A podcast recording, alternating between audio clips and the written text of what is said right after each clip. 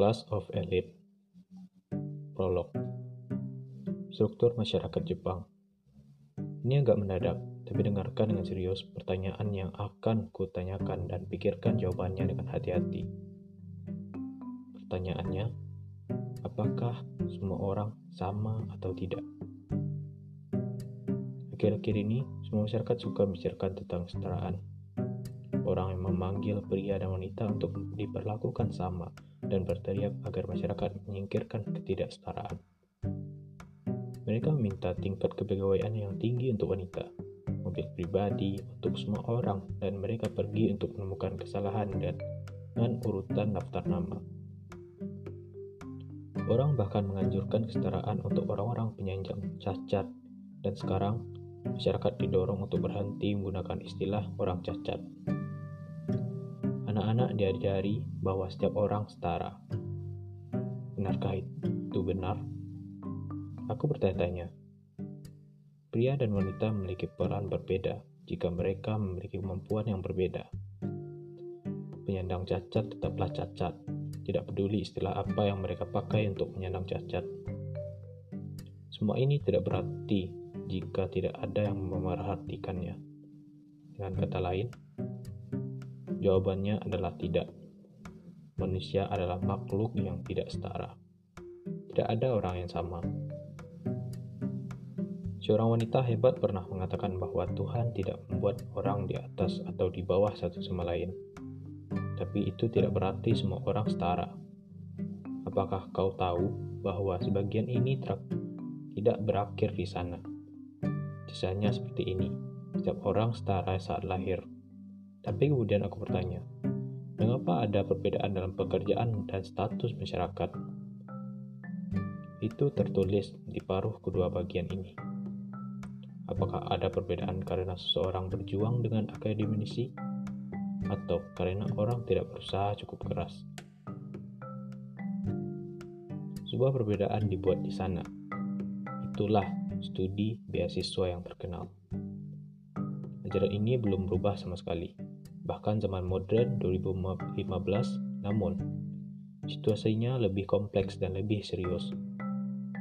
Bagaimanapun, manusia adalah makhluk yang mampu berpikir.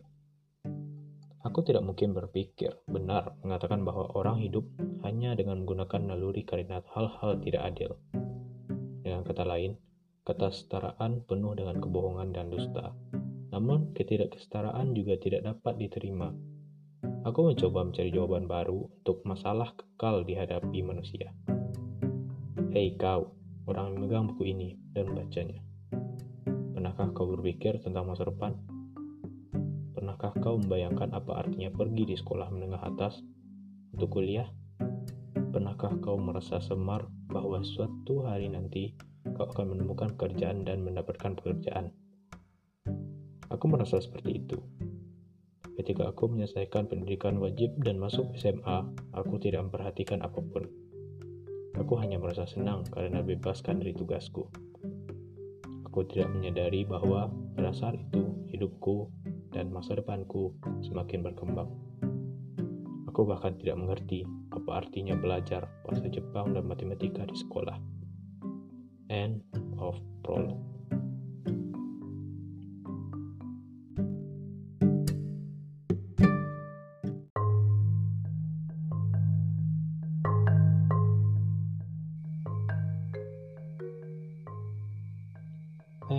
Ujikan? Coba kau bebek saja. Itu datang, itu datang lagi, situasi yang ditakuti.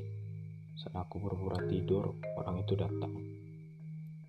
Itu adalah seorang iblis yang memaksaku, yang sedang tidur siang untuk bangun dari kenyataan. Di otakku, Simfoni Dimitri Shostakovich ke-11 sedang diputar. Begini dengan sempurna menggambarkan keadaan sulitku saat ini. Perasaan putus asa sama seperti orang-orang yang sedang dikejar oleh setan dan berakhir dunia dengan cepat mendekat. Bahkan dengan mataku yang terpejam aku tahu, aku bisa merasakan kehadiran iblis yang memperhatikan di sampingku saat ia menunggu budak itu terbangun. Sekarang, seorang budak bagaimana aku bisa lolos dari situasi ini. Untuk menghindari bahaya, gunakan komputer di otak untuk segera menemukan jawabannya. Kesimpulan, berpura-pura tidak mendengar apa pun. Aku menemukan strategi berpura-pura tidur. Kesulitanku akan diatasi dengan strategi. Jika orang yang berbicara itu baik hati, dia akan mengabaikan setelah mengatakan, "Ya, aku tidak akan membantu." Akan memaafkanmu karena aku minta maaf. Bahkan pula seperti itu, aku akan mencium jika kau tidak bangun. Oke, cu. Juga tidak masalah. Jika kau tidak bangun dalam tiga detik, kau akan menghadapi hukuman. Apa maksudmu dengan hukuman? Dalam waktu kurang dari satu detik strategi, berpura-pura tidur dan aku menyerah pada ancaman tersebut. Meski begitu, aku menolak untuk mengangkat kepala dan terus menolak. Dengar, seperti yang kuharapkan kau sudah bangun. Katanya, aku sudah tahu kelayananmu jika aku membuat kau marah. Kataku, itu bagus. Lalu, Apakah kau punya waktu? Dan kalau aku bilang tidak, ya, aku tidak bisa memaksamu, tapi aku akan marah kalau tidak mau. Dia kemudian melanjutkan, dan jika aku marah, aku akan menjadi hambatan utama bagi kehidupan sekolah normal Ayo no Kojikun. Hmm, misalnya banyak batu kecil di kursimu, menyemprotkan air ke, kepala, ke kepalamu, setiap kali kau memasuki kamar mandi dan terkadang menusukmu dengan jarum kompas. Perilaku seperti itu, yap. Itu hanya percayaan biasa. Juga yang terakhir itu nampak aneh, seolah aku ingat sudah ditikam. Dengan enggan aku bangun dan duduk di kursiku. Seorang gadis dengan rambut hitam panjang dan tajam Mata indah menunduk menatapku dari samping. Namanya Horikita Suzune, kelas SMA 1D, teman sekelasku. Jangan terlalu takut, itu hanya lelucon. Aku tidak akan mengangkat air ke atasmu dari saat atas saat kau di toilet.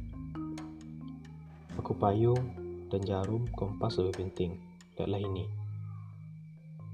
Kau masih bisa melihat di mana aku ditikam. Bagaimana kau bertanggung jawab jika menjadi bekas luka seumur hidup? Aku menggulung lengan kananku dan menunjukkan dengan atasku pada ori kita. Di mana buktinya? Hah? Di mana buktinya? Apakah kau mengatakan bahwa aku adalah pelakunya tanpa bukti? Tentu saja tidak ada bukti, meskipun satu-satu orang yang cukup dekat untuk menikamku adalah ori kita. Dan meskipun dia memegang jarum kompas di tangannya, Sulit untuk mengatakannya secara pasti. Bagaimanapun, ada situasi yang penting untuk kukonfirmasikan. Apakah aku benar-benar harus membantu? Aku akan memikirkannya lagi, tapi bagaimanapun juga, Hei Ayano Kojikun, menyesali keputusanmu saat kau putus asa atau saat kau sedang menderita. Yang mana yang kau lebih sukai? Karena kau menarikku dari tanggung jawabku kau harus bertanggung jawab, benarkah? kita hanya menawarkan dua pilihan yang konyol dan ekstrim rupanya. Sepertinya dia tidak akan memberikan kompromi. Adalah suatu kesalahannya untuk membuat kontrak dengan iblis. Aku memutuskan untuk menyerah dan taat. Jadi, apa yang harus kulakukan? Tanya aku sambil gemetar ketakutan. Aku tidak akan terkejut saat mendengar apa yang dia minta dariku. Aku tidak tahu bagaimana keadaannya meski seperti ini, tapi aku ingat kapan semua ini dimulai. Aku bertemu dengan gadis ini tepat dua bulan lalu. Apakah pada hari upacara masuk? Tepat pada April upacara masuk, aku pergi ke sekolah di dalam bus yang bergemetar setiap kali melewati daerah bergelombang di jalan. Saat melihat pandangan berubah, dari suatu daerah ke daerah lainnya, para penumpang di bus meningkat secara bertahap. Sebagai besar penumpangnya memakai seragam sekolah. Seorang pekerja gaji yang frustasi sendirian naik bus teringat ketika dia sengaja meraba-raba seorang seterakhir kali dia naik bus yang penuh sesak. Seorang wanita tua itu berdiri di depanku, berdiri terhuyung-huyung di atas kakinya yang goyah. Terlihat seolah dia akan terjatuh kapan saja. Aku membuat kesalahan dengan naik bus. Meski aku bisa menemukan tempat duduk yang bagus, angin dingin bertiup ke arahku, dan seluruh bus sak Wanita tua yang malang itu harus menunggu sampai bus tiba di tempat tujuannya. Langit tak berawan dan cuaca cerah menyegarkan. Aku pikir aku mungkin sedang tidur. Ketenangan dan kenamayanku tiba-tiba terganggu. Tidakkah kau berpikir kau harus menyerahkan kursimu? Sejak sejenak aku membuka mata yang akan segera ditutup. Eh, kebetulan.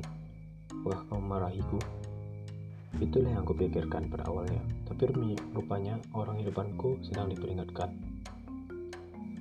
Seorang pria muda berambut pirang yang berambut pirang sedang duduk di kursi prioritas. Maksudku, siswa SMA. Wanita tua itu berdiri di sampingnya. Seorang wanita kantor berada di samping wanita tua itu. Kau di sana, tidak bisakah kau melihat wanita tua itu mengalami masalah?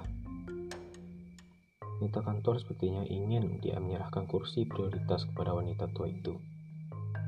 Di bus yang sepi, suaranya yang semakin keras dan menarik perhatian orang lain di dalam bus. Itu pertanyaan sangat gila nyonya. Anak laki-laki itu mungkin marah, bodoh, atau mungkin jujur, tapi dia hanya tersenyum dan menghilangkan kakinya. Mengapa aku harus memberikan kursi ini kepada seorang wanita tua? Tidakkah ada alasan bagiku untuk melepaskannya? Bukankah wajar bila menyerahkan kursi prioritas kepada orang tua? Aku mengerti, kursi prioritas hanya kursi prioritas, dan tidak ada jawab kewajiban hukum bagiku untuk bergerak. Apakah aku bergerak atau tidak harus diputuskan olehku? Siapa saat ini yang duduk di kursi ini? Bukankah kau menyerahkan tempat dudukmu? Karena aku seorang pemuda. Itu cara berpikir yang bodoh.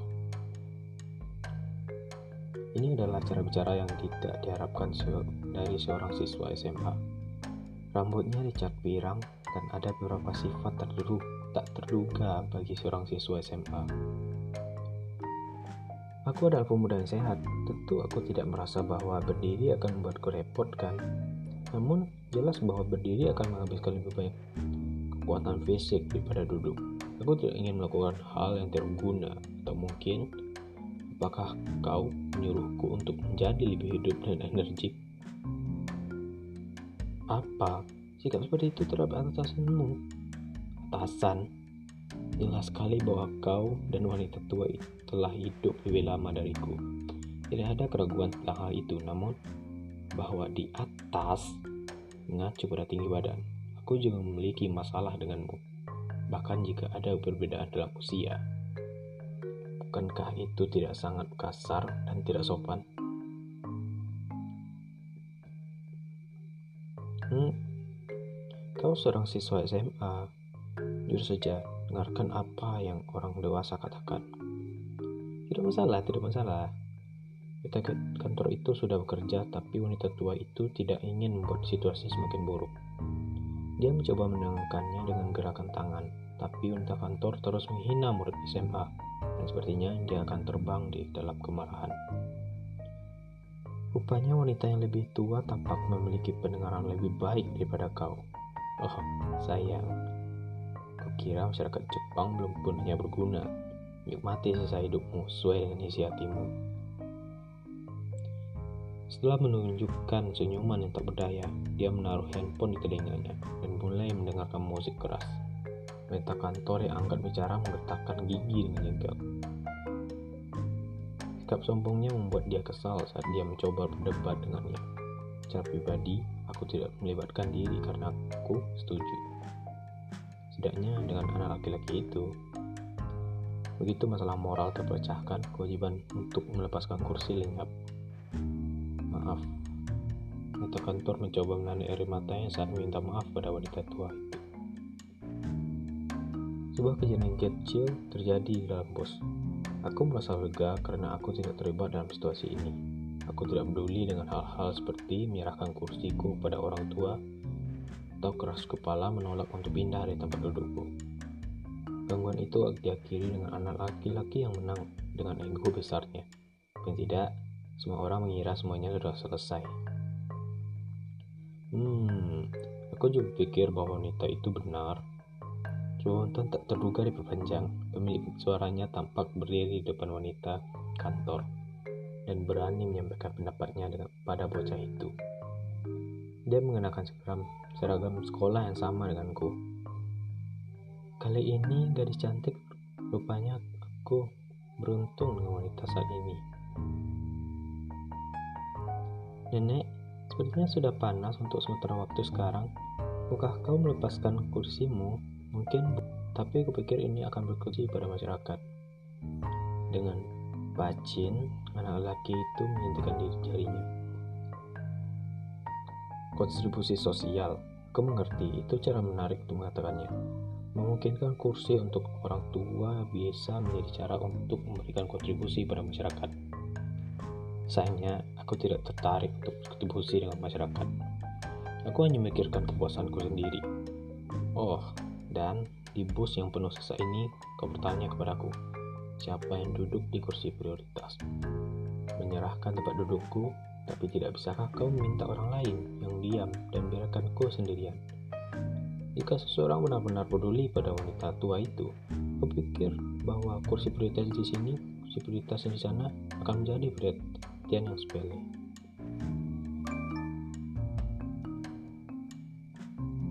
Niat gadis itu tidak sampai pada anak laki-laki itu, dan sikap kasar anak laki-laki itu tidak berubah. Baik wanita kantor maupun wanita tua itu tidak bisa berkata apa-apa, dan berdiri di sana sambil tersenyum pahit. Tapi gadis yang berdiri pada anak itu tidak hancur. Semua orang, tolong dengarkan aku setidaknya. Ada yang bisa memberikan tempat duduk untuk wanita itu. Tolong siapa saja. Bagaimana bisa begitu banyak belas kasihan, keberanian, dan tekad dalam beberapa waktu itu? Sangat jarang melihat niat tulus macam itu. Di ucapnya, garis itu mungkin tampak jengkel, tapi dia serius menarik penumpang tanpa rasa takut.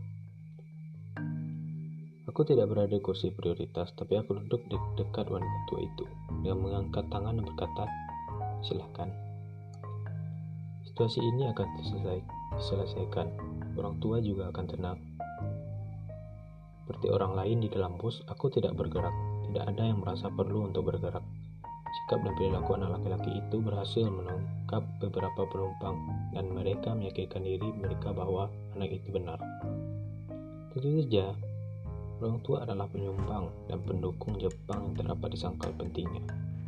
Tapi kami, pemuda adalah sumber daya manusia penting yang akan mendukung Jepang sekarang. Selain itu, karena populasi umum secara bertahap menua, nilai kita juga meningkat.